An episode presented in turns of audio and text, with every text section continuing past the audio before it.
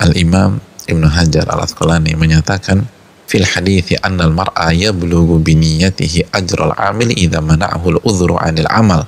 Seseorang akan mendapatkan pahala orang yang beramal sebuah amal soleh dengan niat ikhlasnya, dengan niat bulatnya, tekadnya, jika akhirnya dia tidak berhasil mengerjakan amalan tersebut karena alasan syar'i.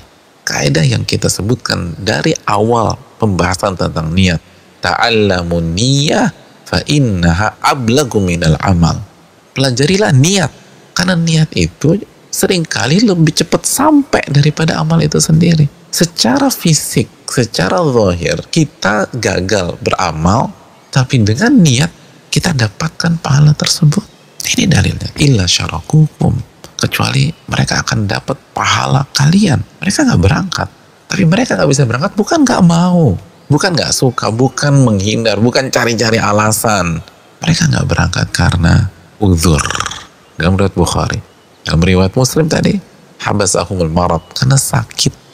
Nabi SAW mengungkapkan dengan kalimat dan bahasa yang dalam. Masirtum masiran wala qata'tum wadiyan. Tidaklah kalian melewati sebuah jalan atau melewati sebuah lembah. Bahkan dalam Bukhari masalak nasyaba kaki gunung itu semua mereka pun dapat pahalanya karena kalau Nabi hanya mengatakan insya Allah akan dapat pahala jihad kita orang berpikir oh pas perangnya aja jadi dari langkah-langkah kaki dapat